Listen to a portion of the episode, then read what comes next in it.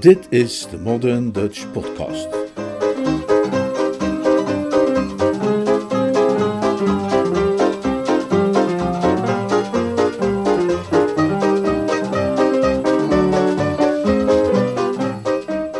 De oude stiefelaar.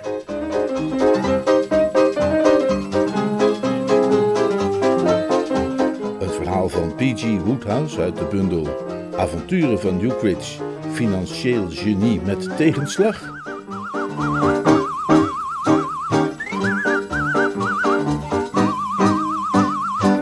Vertaald en voorgelezen door Leonard Beuger.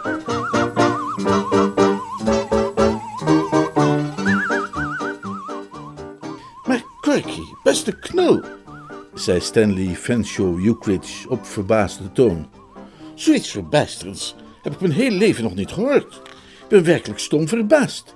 Compleet uit de koets gevallen. Ja, en anders zou ik je graag een zetje gegeven hebben. Maar dit pak, dit, dit, dit voddige afgedragen pak. Je wilt me toch niet vertellen dat je dit haveloze, morsige, oude, versleten pak nog ergens voor nodig had? Nou, eerlijk waar hoor, maar toen ik het gisteren tussen jouw spullen vond, dacht ik dat het gewoon iets was dat je al jaren geleden had afgedankt en vergeten had naar het leger des heils te brengen. Ik zei eens goed de waarheid. En iedere onbevooroordeelde toehoorder zou hebben moeten toegeven dat ik volop aanleiding had om mij op te winden. De lente had Londen de laatste dagen opgefleurd met een stralend zonnetje en nodigde iedere levenslustige jongeling nadrukkelijk uit om van zijn jeugd te genieten, zijn nieuwe visgraatkostuum aan te trekken en de straat op te gaan om de burgerij zijn vitaliteit te tonen. Maar mij was dat onmogelijk gemaakt door het feit dat mijn nieuwe zomerkostuum op mysterieuze wijze was verdwenen. Na een raadselachtige afwezigheid van 24 uur was ik het zojuist midden op Piccadilly tegengekomen, met Ukridge erin. Ik was er nog steeds de waarheid aan het vertellen en met een groeiende welsprekendheid mag ik wel zeggen, toen er naast ons een kleine, parmantige oude heer uit een taxi stapte, die eruit zag als een graaf of een hertog of de ambassadeur van het nettere soort land. Hij droeg een wit puntbaardje, een hoge hoed, lavendelkleurige slopkousen, een zijden sjaal en een bloem in zijn knoopsgat, een gardenia om precies te zijn. Als iemand mij gezegd zou hebben dat een man als hij zelfs maar de meest oppervlakkige kennis geweest kon zijn van S.F. Ukridge, dan zou ik hem hartelijk hebben uitgelachen. En als verder iemand mij verteld had dat Ukridge, na hartelijk door een dergelijk man begroet te zijn, zijn hoofd zou hebben afgewend en kiel aan hem was voorbijgegaan, dan zou ik het nooit geloofd hebben. En toch zag ik die beide wonderen recht voor mijn ogen gebeuren. Maar Stanley, riep de oude heer uit. Lieve hemel, jou heb ik in geen jaren gezien. En wat nog meer was, hij sprak die woorden alsof hij Ukridge werkelijk gemist had. Niet alsof het lot hem daarmee een gunst had geschonken die ik hem onuitsprekelijk benijde. Stanley, beste jongen, mag ik je uitnodigen voor de lunch? Crocky, zei Ukridge, na een korte, ijzige blik op de man te hebben geworpen, met heese, gespannen stem. Corky, wij gaan. Maar heb je dan niet gehoord wat hij zei? vroeg ik verbijsterd, terwijl hij me met gezwinde pas vandaar voerde. Hij, hij nodigde je uit voor de lunch. Ik heb hem wel degelijk verstaan, knabel, zei Ukridge ernstig. Maar ik zeg je, met die kerel kun je beter niets te maken hebben. Maar wie is dat dan? Een oom van mij. Nou, hij zag er toch heel respectabel uit. Althans, stiefoom. Eigenlijk zelfs een dubbele stiefelaar. Hij is getrouwd met wijle mijn stiefmoeders stiefzuster. Ik denk eigenlijk, zei Ukridge peinzend, dat stief, stief of dubbele stief inderdaad de juiste uitdrukking is. Duistere wateren waarin ik weinig zin had om te gaan roeren. Maar waarom keek je hem dan zo met de nek aan? Dat is een lang verhaal. Ik zal het je dadelijk tijdens de lunch vertellen. Nijdig stak ik mijn hand op. Eerst jat je mijn nieuwe pak en dan denk je nu zeker dat ik je ook nog eten ga geven. Nou, nog geen korst brood krijg je van me. Rustig, rustig, knabo. Ik nodig jou uit. Mede dankzij dit pak is het maar daarnet gelukt om door te dringen in het ministerie van Buitenlandse Zaken, waar George Tupper werkt, en vijf pond van hem los te peuteren. Een onbekrompen vreugdemaal zal je deel zijn. Corky, zei Ukridge peinzend, terwijl hij tien minuten later een toastje met caviar besmeerde in de grillroom van het Regent Hotel. Eh, pieker jij wel eens over gemiste kansen? Over wat je had kunnen doen als dingen anders waren gelopen? Ja, nou, ik had bijvoorbeeld dat pak kunnen dragen als jij het niet gejat had. Ja, daar moet je nog niet de hele tijd over blijven zeuren, zei Ukridge uit de hoogte. Ik heb net uitgelegd hoe dat misverstand heeft kunnen ontstaan. Een onschuldige en voor de hand liggende vergissing. Ik bedoel, denk je wel eens na over de ondergrondelijke machinaties van het lot? En, en hoe het, als dit of dat niet gebeurd was, misschien wel zus of zo was gegaan, hè, zeg maar. Bijvoorbeeld, zonder die oude stiefelaar zou ik nu de steunpilaar zijn geweest van een groot bedrijf en waarschijnlijk gelukkig getrouwd met een schat van een vrouw en de vader van een half dozijn vrolijk giebelende kindertjes. Nou, in welk geval ik, als jouw karakter een beetje erfelijk is, mijn zomerpakken voortaan maar beter in de kluis op kon bergen. Korkie, beste knul, zei Ukridge op enigszins gekwetste toon. Jij blijft ook maar doorgaan over dat vreselijke pak van jou, hè? Dat getuigt van een onaangenaam trekje, hè? Dat me niets bevalt. Waar had ik het over? Je wilde iets beweren over het lot. Oh ja, het lot, zei Ukridge, is iets mals, eigenaardig. Dat valt niet te ontkennen. Heel veel mensen hebben dat al opgemerkt. En een van de rijkste dingen van het lot is de manier waarop het er aardigheid in schijnt te hebben om je over de bol te aaien en valse zekerheid te geven, om dan opeens je voet richting bananenschil te duwen. Net als alles gladjes lijkt te verlopen, wordt er een stok tussen je spaken gestoken en hopla, daar ga je weer. Neem nou de hele geschiedenis waar ik jou over wil vertellen. Vlak voordat dat allemaal ging spelen, had ik alle reden om mijzelf te beschouwen als een kind van het geluk. Op een verbazingwekkende manier liep alles nu eens precies zoals het moest. Mijn tante Julia was naar Amerika om daar een reeks voordrachten te houden en had mij zolang haar zomerhuis ter beschikking gesteld in Market Deeping in Sussex. De plaatselijke leveranciers had ze opdracht gegeven om alles wat ik nodig mocht hebben op de lat te zetten en met haar af te rekenen zodra ze terug was. Ik had ergens, ik weet even niet meer precies waar, twee wit broeken en een tennisracket vandaan weten te halen, en via vrij lastige onderhandelingen, tijdens welke ik mij genoopt had gezien hem onder meer aan te duiden als stijfkoppige bureaucraat, had ik die brave tuppie een paar pond weten te ontfutselen, dus ik zat voorlopig gebakken. Ik had moeten beseffen dat zoveel geluk niet duurzaam kon zijn.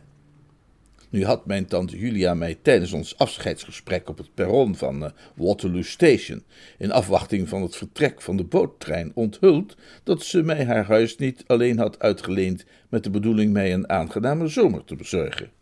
Het scheen dat op Deeping Hall, het grote landgoed buiten het dorp, een zekere Sir Edward Baylis, officier in de orde van het Britse Rijk, verbleef. Een figuur die tot over zijn oren in de jute-industrie was verwikkeld.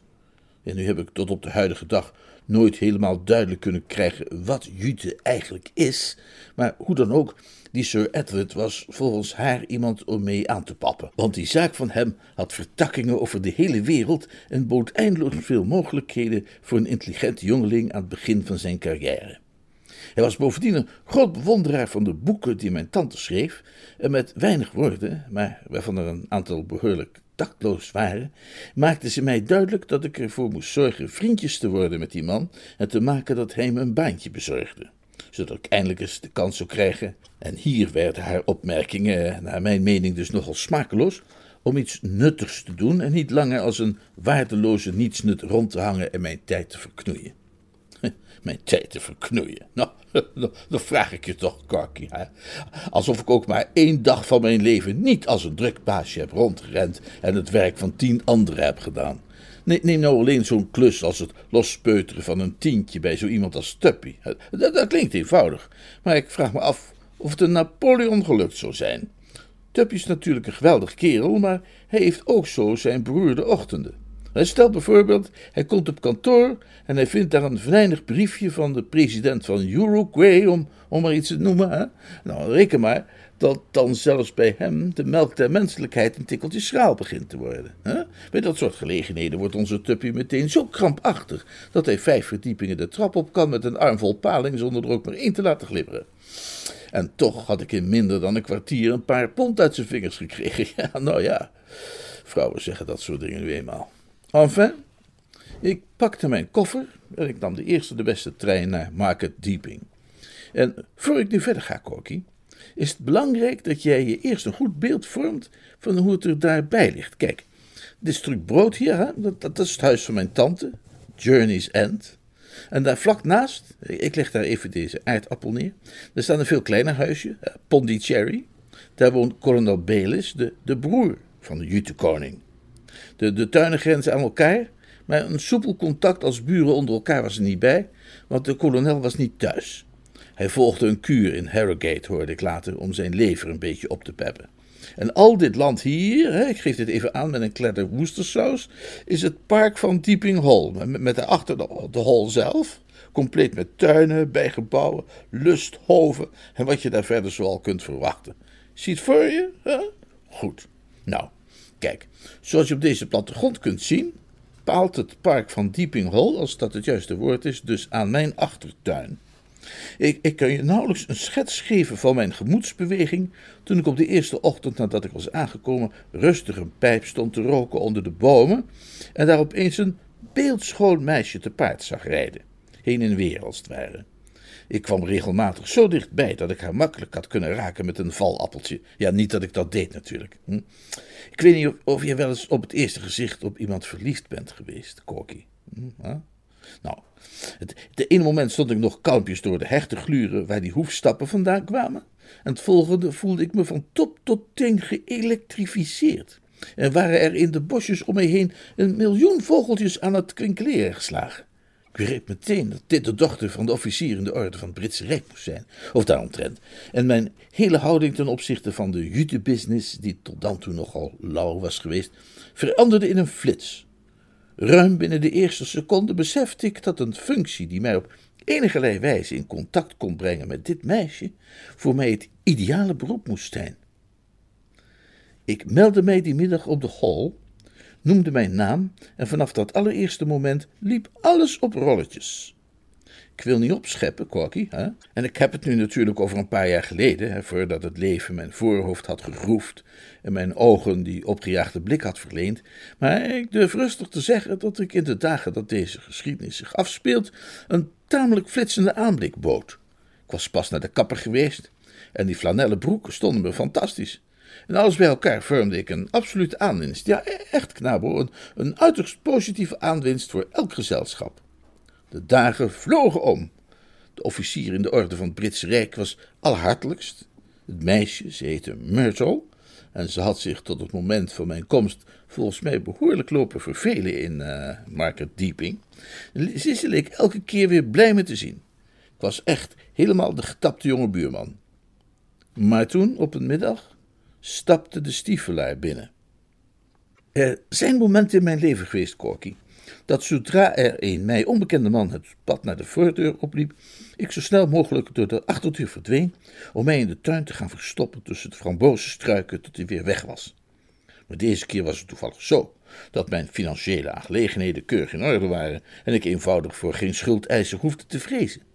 Ik liep dus naar beneden, deed de deur open en trof hem stralend op de mat. Stanley Ukridge? vroeg hij. Inderdaad, zei ik. Uh, ik ben van de week bij het huis van je tante in Wimbledon langs geweest, maar daar zei men mij dat je hier was. Ik ben je oom Percy, uit Australië, beste jongen. Ha, ik ben getrouwd met Weilen, jouw stiefmoeders stiefzuster Alice. Nooit is er iemand met een wit puntbaardje hartelijker welkom geheten, denk ik, dan hij.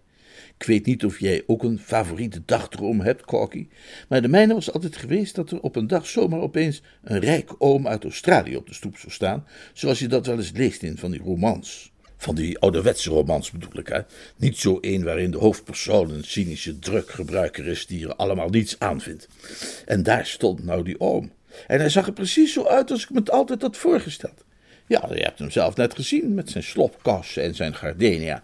Nou, op die middag waarover ik het heb, was hij net zo keurig beslopkoust en, en precies zo feestelijk van bloemwerk voorzien. En bovendien droeg hij op zijn das iets dat eruit zag als een kleine uitgave van de Koh-i-Noor-diamant. Wel, wel, wel, zei ik, kijk eens aan. Wel, wel, wel, zei hij, met een al even brede glimlach als ik. Ik klopte hem op de rug en hij klopte mij op de rug en hij zei dat hij een eenzame oude man was die teruggekeerd was naar het vaderland om zijn laatste jaren te slijten in de nabijheid van een liefhebbend familielid. En ik zei dat ik net zo blij was een oom te vinden als hij een neef. Kortom, het was een complete liefdessessie. Kan ik een week of twee bij jou logeren misschien, Stanley? Oh, maar natuurlijk, oom. Het is me een genoegen. Wat een heerlijk huisje heb je hier. Blij dat het u bevalt. Mag alleen hier en daar misschien wat beter gestoffeerd worden, zei de stiefelaar. Hij liet zijn keurende blik over de inrichting gaan, die hem weinig leek te bevallen. Tante Julia had haar zomerhuis inderdaad vrij karig gemeubileerd. Daar heeft u misschien wel gelijk in, oom. Een paar luie stoelen zouden fijn zijn, niet? Jazeker. En wat dacht je van een sofa? Geweldig. En een, een gezellig tuinhuisje op het zuiden. Heb je een tuinhuisje? Nee, nee, geen tuinhuisje. Ik zal er eens naar uitkijken, zei de stiefelaar. En alles wat ik zo al gelezen had over rijke ooms uit Australië, leek me bewaarheid te worden. Ruim, wijd, groots. Alleen in dat soort termen was zijn houding te kenschetsen. Hij deed me denken aan een Oosterse vorst, die met zijn hofbouwmeester de bouwplannen voor een nieuw paleis doorneemt. Hij was nu typisch, dacht ik bij mezelf, zo'n hartelijke, joviale kerel die het Brits imperium heeft helpen opbouwen. Gulhartig, genereus en nooit kleinzielig als het om geld ging. Ik wou dat ik hem eerder had ontmoet. En nu, mijn jongen, zei de oude stiefelaar en likte met een lap van 10 tot 12 centimeter tong zijn lippen. Nou, vraag ik mij af waar jij de drank hebt staan. Ik ben altijd van mening geweest, en dat zal ik ook altijd blijven, dat er op deze wereld geen betere woonvorm bestaat dan het vrijgezellenhuishouden. Uh, mannen hebben de geslag van het zichzelf plezierig en gemakkelijk te maken, op een wijze waar vrouwen niet aan kunnen tippen. Wat mijn tante Julia bijvoorbeeld als de ideale stoel zag, was iets antieks dat was ontworpen langs de richtlijnen van de Spaanse Inquisitie. Mijn stief had daar veel meer het juiste gevoel voor. Hij liet kerels komen met, met vrachtwagens die van die dingen uitladen met uh, luie leuningen en dikke kussens. En op de schaarse momenten dat ik niet op Dieping Hol rondhing, lag ik daar heerlijk in achterover. De stiefelaar lag er altijd heerlijk in achterover. Heel af en toe bracht hij een uurtje door in een lichtstoel in het tuinhuisje dat hij achter in de tuin had laten neerzetten, maar doorgaans was hij toch binnen aan te treffen met alle ramen dicht en een goed gevuld glas naast zijn elleboog. Hij zei dat hij in Australië zo verschrikkelijk veel frisse lucht had gekregen, dat hij voorlopig even de voorkeur gaf aan lucht die je kon opscheppen met een lepeltje. een paar keer heb ik geprobeerd om hem mee te tronen naar de hall, maar daar wilde hij niets van weten. Hij zei dat hij voor zover hij de gemiddelde officier in de orde van het Britse Rijk kende, hij daar vast zijn schoenen niet uit zou mogen trekken en bovendien het risico zou lopen er vruchtensap of bronwater te drinken te krijgen. Hij had kennelijk in Sydney wel eens een officier van het Britse Rijk ontmoet, die geheel onthouder was, en had een vooroordeel ontwikkeld. Wel toonde hij zich een positieve toehoorder als ik hem over Myrtle vertelde. Hij zei dat hij zelf dan wel niet zo liefhebber was van het huwelijk als maatschappelijke instelling, maar dat hij ruim genoeg was van opvatting om te erkennen dat er misschien best ook wel vrouwen bestonden van een ander type dan zijn overleden vrouw. Wat haar betrof, merkte hij op, dat in tegenstelling tot de algemene opvatting het niet het konijn is dat de grootste historische plaag van Australië genoemd moet worden. En uh, vertel me eens, knul, dat, dat meisje, zei hij, dat, uh, dat knuffel jij zeker zo af en toe in een donker hoekje, toch? Nee, zeg, reageerde ik stijfjes. Nou, dan is er wel het een en ander veranderd sinds ik jong was. Wat, wat doe je dan wel met haar? Zei dat ik vol bewondering naar haar staarde en aandachtig luisterde naar ieder woord dat van haar lippen kwam. Ah, en uh, geef je haar ook uh, cadeautjes? Daar raakte hij aan een onderwerp dat ik zelf graag eens ter sprake had willen brengen, zodra ik daar de kans voor zag. Het was namelijk zo dat Myrtles verjaardag naderde, en hoewel het woord geschenk nooit gevallen was, bespeurde ik toch een zekere verwachting in de richting van die datum. Zelfs de leukste meisjes hebben dat. Ze merken losjes op dat ze zich toch zo oud beginnen te voelen met hun verjaardag, zo het verschiet. En kijken je daar dan stralend en verwachtingsvol bij aan. Tja, nu u dat zo zegt, oom Percy, uh, zei ik en ik plukte een pluisje van zijn mouw. Ik was eigenlijk wel iets in die geest van plan, als ik me dat uh, maar op een of andere manier kon veroorloven. Ze is namelijk volgende week jarig, moet u weten. En ik, ik, ik hoopte dat als ik misschien iemand tegen zou komen, om Percy, die mij wellicht een paar pond zou kunnen lenen, ik daar iets aan zou kunnen doen, begrijpt u wel? Hij wuifde op een joviale Australische manier met zijn hand. Laat dat maar mij over, jongen. Oh, maar nee, zeg. Nee, nee, ik, ik sta erop. Tja, oom, als u zo aandringt. Wijle, mijn vrouw, was de stiefzuster van jouw overleden stiefmoeder. En het hemd is nu eenmaal nader dan de rok.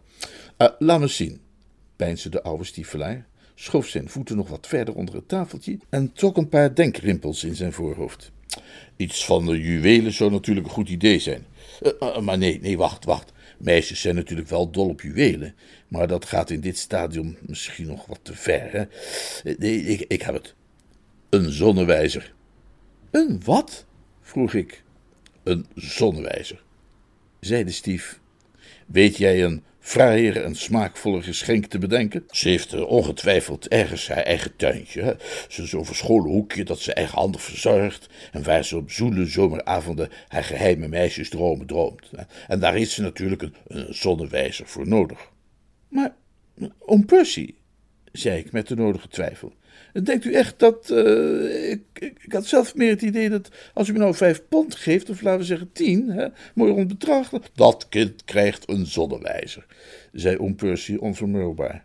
En reken maar dat ze dat leuk vindt. Ik probeerde hem nog te overtuigen. Maar ik zou niet weten hoe aan, aan haar zonnewijzer moest komen, wierp ik op. Maar ik wel, zei de oude stiefelaar en stak zijn vuist met het whiskyglas erin ferm omhoog. Ik weet hoe we aan alles moeten komen. Zonnewijzers, tuinhuisjes, olifanten als je die nodig hebt. Sta onbekend. Als er iemand is die durft te zeggen dat Charles Percy Cuthbertson ergens niet aan weet te komen, nou, dan zal ik die man dus goed Moors leren. Hm, precies, Moors. Dat zal ik hem leren. Omdat hij er zich nogal bij leek op te winden, liet ik het er op dat moment maar verder bij zitten. Ik had natuurlijk nooit gedacht dat hij er ook werkelijk achteraan zou gaan. Je zult geloof ik moeten toegeven, Corky, dat ik een man ben met vele talenten, maar als iemand mij zou vragen om op stel en sprong een zonnewijzer ergens vandaan te halen, dan zou ik toch nog wel even achter mijn oor moeten krabben. Maar ja hoor, op de dag van Myrtles verjaardag klonk er in alle vroegte een vrolijk gejodel onder mijn raam en daar stond oom Percy naast een kruiwagen met daarop een zonnewijzer, helemaal compleet volgens bestelling. Het deed me sterk aan toveren denken en ik kreeg er een soort Aladdin-gevoel van. Kennelijk hoefde ik voortaan alleen maar even de lamp op te wrijven en de stiefelaar deed de rest. Alsjeblieft, mijn jongen, zei hij, terwijl hij het ding nog wat afstofte met zijn zakdoek en het met een goedkeurende, vaderlijke blik bekeek. Verras jij de jonge dame hier maar eens mee, hè? Dan kun je gegarandeerd rekenen op een lekkere knuffel in een hoekje achter de voordeur. Dat vond ik wel een beetje een valse toon in het geheel, die opmerking. Hij leek een bijzonder aardse opvatting te hebben van wat ik toch beschouwde als mijn grote liefde, meer op een intens spirituele wijze. Je zult eens zien hoe blij ze in haar handjes klapt. ze zal niet weten hoe ze het heeft. Nou, ze zal hem zeker wel mooi vinden, moest ik toegeven. Tuurlijk vindt ze hem mooi. Laat ze hem eens niet mooi vinden, zeg. Wees mij maar eens een, lief, gezond Engels meisje dat niet dol is op de zonnewijzer. En dan zal ik hem op haar neus monteren, zei de stiefelaar op vurige toon. Ja, en er staat ook nog een prachtige spreuk op en alles. En dat was inderdaad zo. Ik had het eerst niet gezien, want het apparaat was nogal met mos begroeid. Maar de stiefelaar had dat er inmiddels al een aardig eind afgepeuterd met een tafelmes. En nu kon je hem duidelijk lezen. Iets met de tijd vergaat en vroeg en de laat, als ik me goed herinner. Uitgehouden in van die gotische letters. Het verleende die zonnewijzer opeens een heel ander aspect. Uh, diepzinniger hè? En, en verhevener, zou ik maar zeggen. En voor het eerst begon ik er ook echt enthousiast over te worden. Dat is helemaal goed zeg, oom Percy, zei ik. Een geweldig ding. Hoe kan ik u hiervoor ooit genoeg bedanken? Uh, dat kan gewoon niet, zei de stiefelaar. Ik zal u zeggen wat we gaan doen, zei ik. Ik breng dit ding vanmorgen naar de gol en dan nodig ik meteen Myrtle en haar vader op de thee. Dat kunnen ze eenvoudig niet weigeren, als ze net zo'n prachtige zonnewijzer hebben gekregen. Prima, zei de stiefelaar. Uitstekend idee. Vraag ze op de thee, dan zal ik zorgen dat het huis vol rozen staat. Kunt u dan aan rozen komen? Of ik aan rozen kan komen? Ah, je moet me niet de hele tijd vragen of ik ergens aan kan komen. Tuurlijk kan ik aan rozen komen. En dan eieren ook. Maar Maar eieren hebben we toch niet nodig? En of wij eieren nodig hebben, zei de stiefelaar. En hij begon zich alweer wat op te winden. Als eieren geschikt zijn voor mij, dan zijn ze dat ook voor de uilige dochter van een malotige officier in de verdonde orde van het Britse Rijk. Of vind jij van niet soms? Oh, ja, ja, natuurlijk, oom natuurlijk, zei ik. Ik had hem eigenlijk ook nog willen uitduiden dat Myrtle niet uilig was, maar eh, daar leek hij niet voor in de juiste stemming. Mocht ik nog een laatste restje van twijfel bezeten hebben voor wat betreft de eventuele gewenstheid van mijn verjaardagscadeau, dan verdween die twijfel beslist zodra ik het gevaarte ten koste van een niet geringe hoeveelheid zweetdroppeltjes in de kruiwagen dwars door het park naar de hol had gekruid. Het was precies het goede idee geweest van de stiefelaar. Myrtle was er dol enthousiast over. Ik kwam acuut met mijn uitnodiging voor de thee en heel even leek het alsof er roet in het eten gestrooid zou worden. Haar oom Philip, de kolonel, zou smiddags waarschijnlijk komen opdagen. Die deed altijd vreselijk zijn best om zijn nichtje op haar verjaardag te bezoeken, van hoe ver hij ook moest komen. En hij zou enorm gekwetst zijn als ze niet thuis was voor hem. Wat moest ik doen? Ah, breng hem mee ik natuurlijk. En zo spraken we het ook af. Als de kolonel was aangekomen met de trein en naar de hol gewandeld, dan zou hij daar een briefje vinden met het verzoek om het park dwars door te steken en zich bij ons te voegen voor de festiviteiten op Journey's End. Ik heb het niet tegen Myrtle gezegd, want de tijd leek er nog niet helemaal rijp voor, maar waar het volgens mij toch eigenlijk op neerkwam, was dat de kolonel op zoek naar een nicht en nog een neef bij zou vinden. En wat kan er voor een oudere heer die met het stegen der jaren meer en meer behoefte krijgt zijn geliefden om zich heen te verzamelen een aangename verrassing zijn? En nee, daar ben ik niet met je eens, Corky. Het hangt er niet vanaf om wat voor soort neef het gaat. Voor een eenzame vrijgezel is elke neef een weldaad en een zegen. Ik duwde dus de kruiwagen terug naar Journey's End, eh, met het gelukkige gevoel dat alles tip-top in orde was. En tegen half vijf kondigde de meid, die elke dag uit het dorp kwam om te koken en af te wassen, ons de komst aan van Sir Edward en Miss Baylis. Ik ben inmiddels een oude rot, Corky, en het lot moet tegenwoordig echt zijn jasje uittrekken en eens flink in zijn handen spuren om mij nog een eh, loer te kunnen draaien. Maar als het lot mij vandaag de dag iets voorhoudt dat er glanzend en veelbelovend uitziet, dan keek ik daar onverschillig naar hè? en neem vooralsnog aan dat er wel weer ergens een addertje onder het gras zal zitten.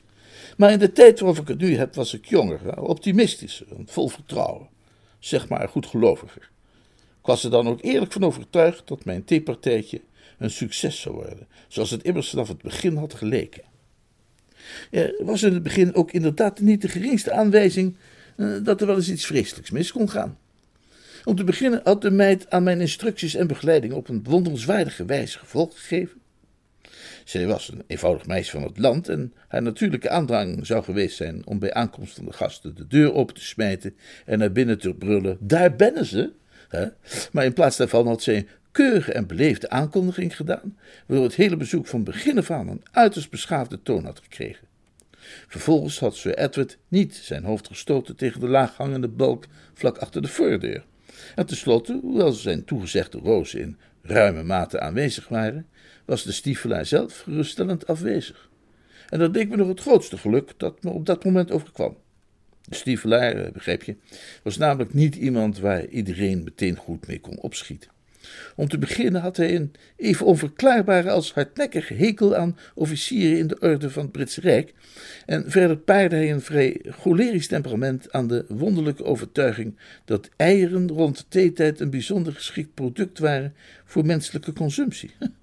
En daar hij dus nogal licht geraakt en opvliegend van aard was, had ik al helemaal visioenen gehad van oom Percy, die over Sir Edward gebogen stond en hem onder bedreiging met een tafelmes het ene ei na het andere naar binnen stond te proppen.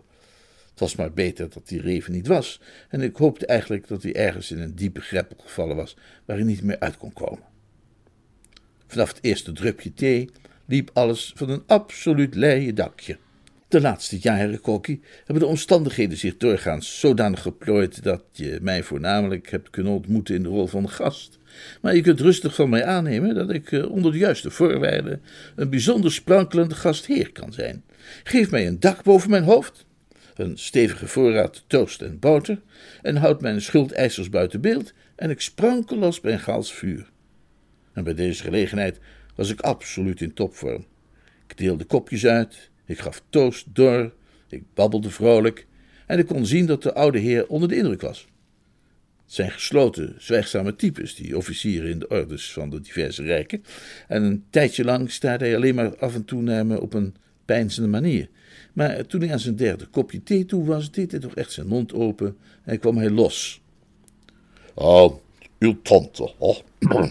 heeft u wel iets van haar gehoord? Nog niet, nee. Ik neem aan dat ze het erg druk heeft. Waarschijnlijk, ja. Zij is een bijzonder energiek mens. Oh, en of. Wij Joekwitsjes zijn allemaal reuze energiek. We gaan er stevig tegenaan.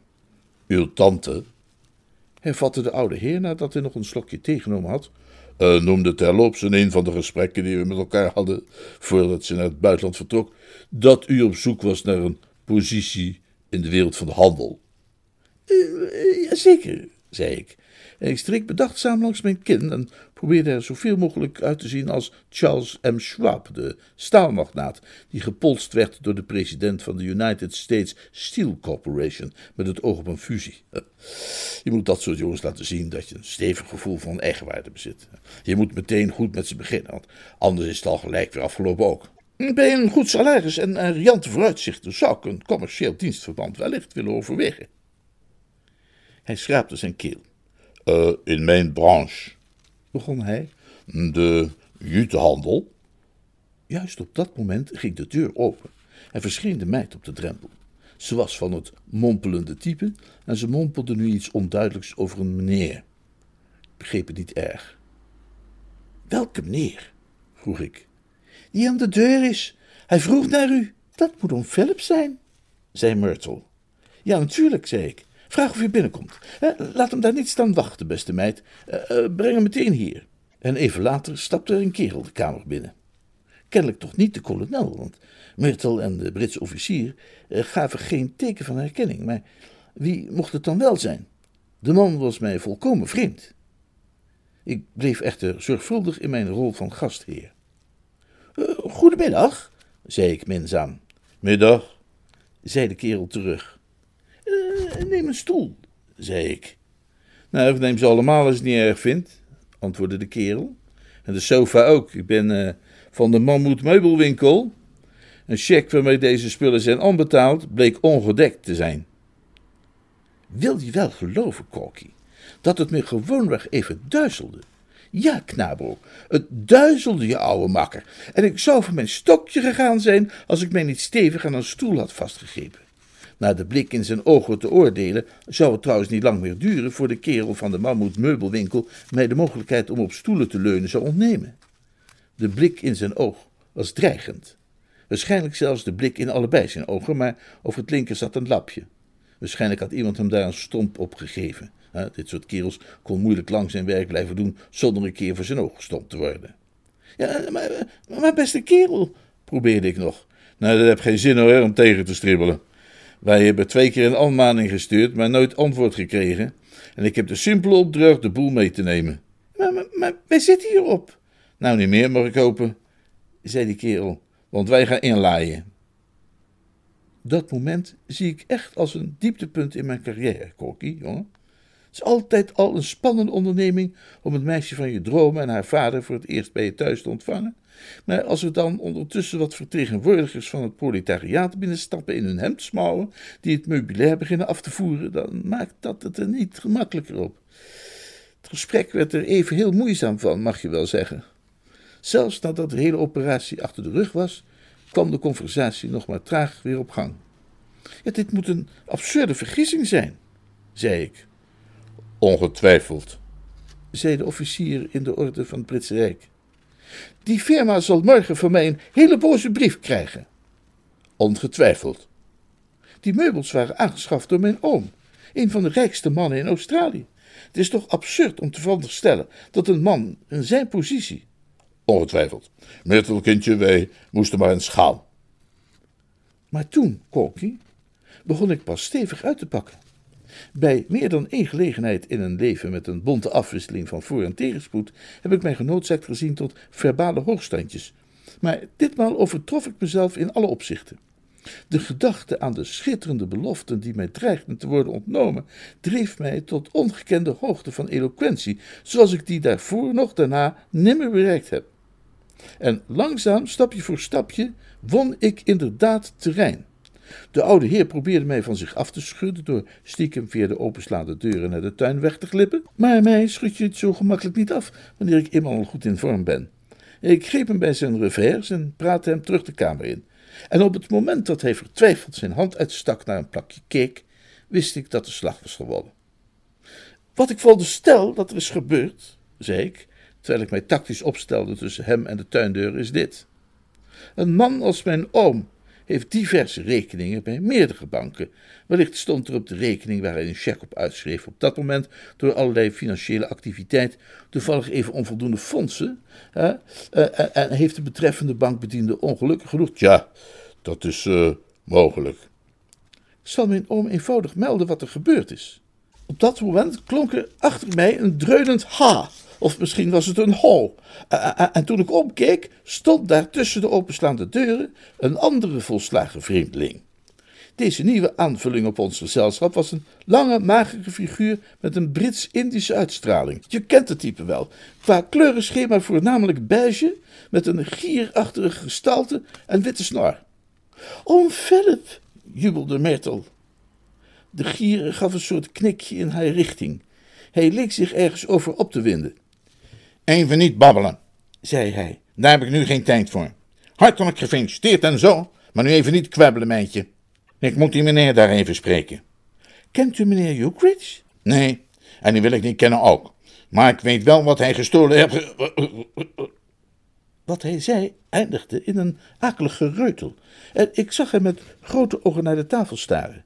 Die tafel was van mijn tante en het was het enige meubelstuk dat de gehemdsmouwde types had laten staan. Dus het viel nogal op in de ruimte. Ook al door de grote bos rozen die erop stond. Houd te houden, zei hij. Hij richtte zijn blik vervolgens op mij en het was alsof hij de vlam van een snijbrander over mijn huid liet spelen. Ik weet niet waaruit de leverkuur in Harrogate bestaat, maar ze zullen die moeten aanpassen, want in elk geval op deze patiënt had hij kennelijk geen erg positief effect gehad. Houd te houden, zei hij nogmaals. De officier in de orde van het Britse Rijk, die zich verslikt had in zijn plakje cake, was eindelijk uitgehoest en keerde terug onder de mensen. Uh, wat is er aan de hand, Philip? vroeg hij geïrriteerd. Dan zal ik je vertellen wat aan de hand is. Ik kwam net in mijn tuin en ik ontdekte dat die compleet was geplunderd. Geplunderd. Deze kerel hier heeft hem leeggeroofd tot de allerlaatste roos. Ach, mijn schitterende rozen. Mijn tuin is veranderd in een woestenij. Is dat waar, meneer Ukridge? vroeg de officier. absoluut niet. Oh nee, oh nee, zei de gier. Niet hè? Waar komen deze rozen dan vandaan? In die tuin hier groeit geen enkele roos. Ik ben hier al vaak genoeg geweest, dus maak mij maar niks wijs. Hoe kom jij anders aan die rozen? Vertel me dat eens. Heb, heb ik van mijn oom gekregen. De rijksofficier had zich nu van de laatste keekkruimels bevrijd en lachte een akelige lach. Ja, ja, je oom weer, zei hij. Welke oom? brulde de gier. Waar is die oom? Laat mij die oom eens zien. Kom hier met die oom. Ik ben bang dat dat een beetje lastig gaat worden, Philip, zei de offie, en zijn toon beviel me helemaal niet. Het schijnt dat meneer Jukwitsch hier een geheimzinnige oom bezit, die nooit iemand heeft gezien, maar die meubels voor hem koopt zonder te betalen en die rozen steelt.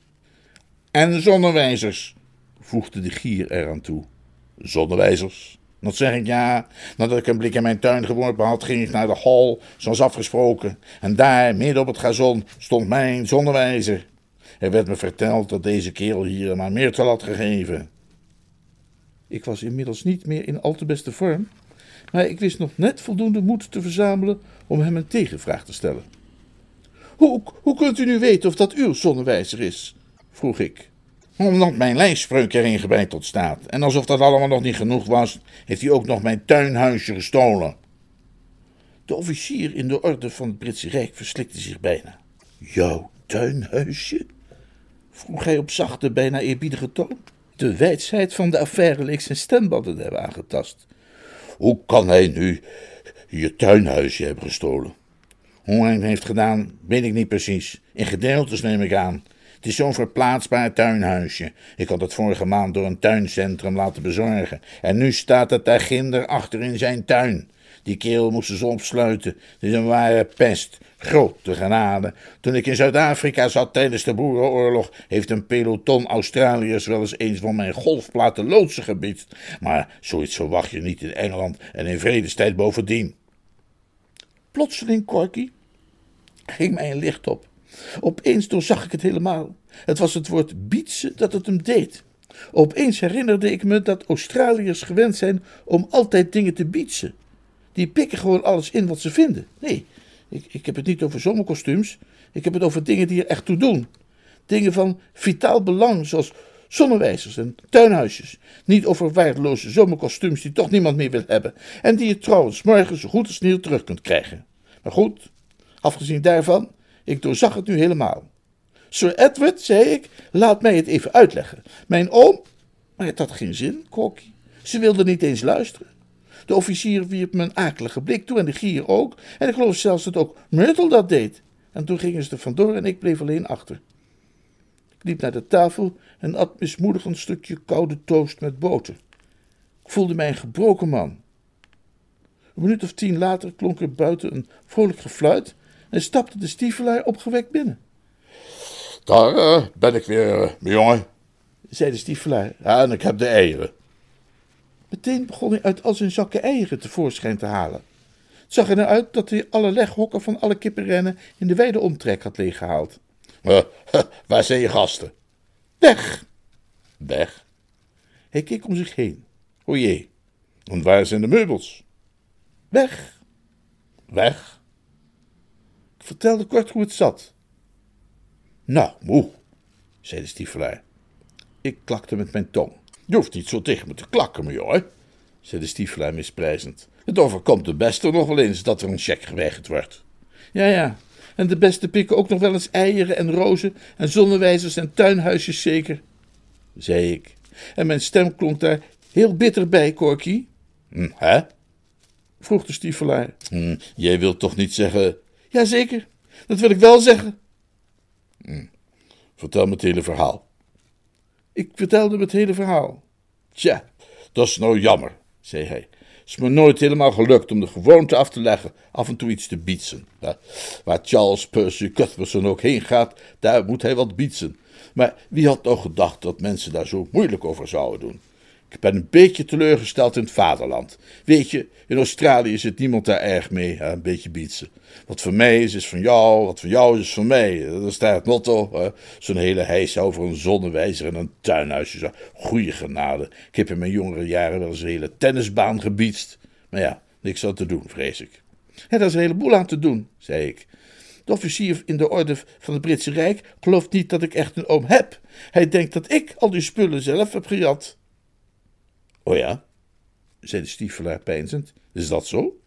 Ja, en het minste wat u kunt doen is naar Dieping Hol gaan en de zaak uitleggen. Dat is, uh, hm, dat is precies wat ik zelf net wilde voorstellen. Ik zal er nu meteen even heen lopen en alles in orde brengen. Vertrouw maar op mij, mijn jongen. Ik heb het gauw genoeg weer allemaal helemaal voor elkaar. Hij liep de deur uit, Corky. En dat is het laatste wat ik van hem heb gezien, tot vandaag. En als je het mij vraagt, is hij helemaal niet op Dieping Hol geweest. Volgens mij is hij regelrecht naar het station gestiefeld en heeft hij de eerste de beste trein naar Londen genomen. Misschien dat hij onderweg alleen nog een paar telegraafpalen en een boerenhek heeft achterover gedrukt.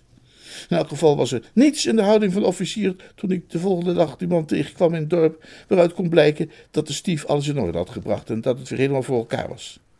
Ik geloof niet dat er verder ooit een jutekoopman iemand zo glashard met de nek heeft aangekeken. En dat is, Corky, knabel, waarom ik jou nu duidelijk probeer te maken dat je die kerel, die valse, geweetloze schurk van een stiefelaar, maar het best uit de weg kunt gaan. Wat voor schitterende perspectieven hij je ook mag voorspiegelen, blijf uit zijn buurt. Als je het van de ene kant bekijkt, hè, op, de beperkte, kortzichtige manier, dan mis ik nu een gratis lunch. Hm? En waarschijnlijk ook een zeer goede lunch. Maar heb ik er spijt van? Nee, want wie zal mij zeggen dat een man als hij niet toevallig op het moment suprême aan de telefoon zal worden geroepen, zodat ik met de rekening blijf zitten? En zelfs als we zouden veronderstellen dat hij ditmaal werkelijk over geld beschikt, waar heeft hij dat dan vandaan? Dat is de vraag. Ik zal hier en daar eens informeren. En als ik te horen krijg dat iemand vannacht het Albert Memorial heeft gepikt, dan weet ik wel hoe laat het is.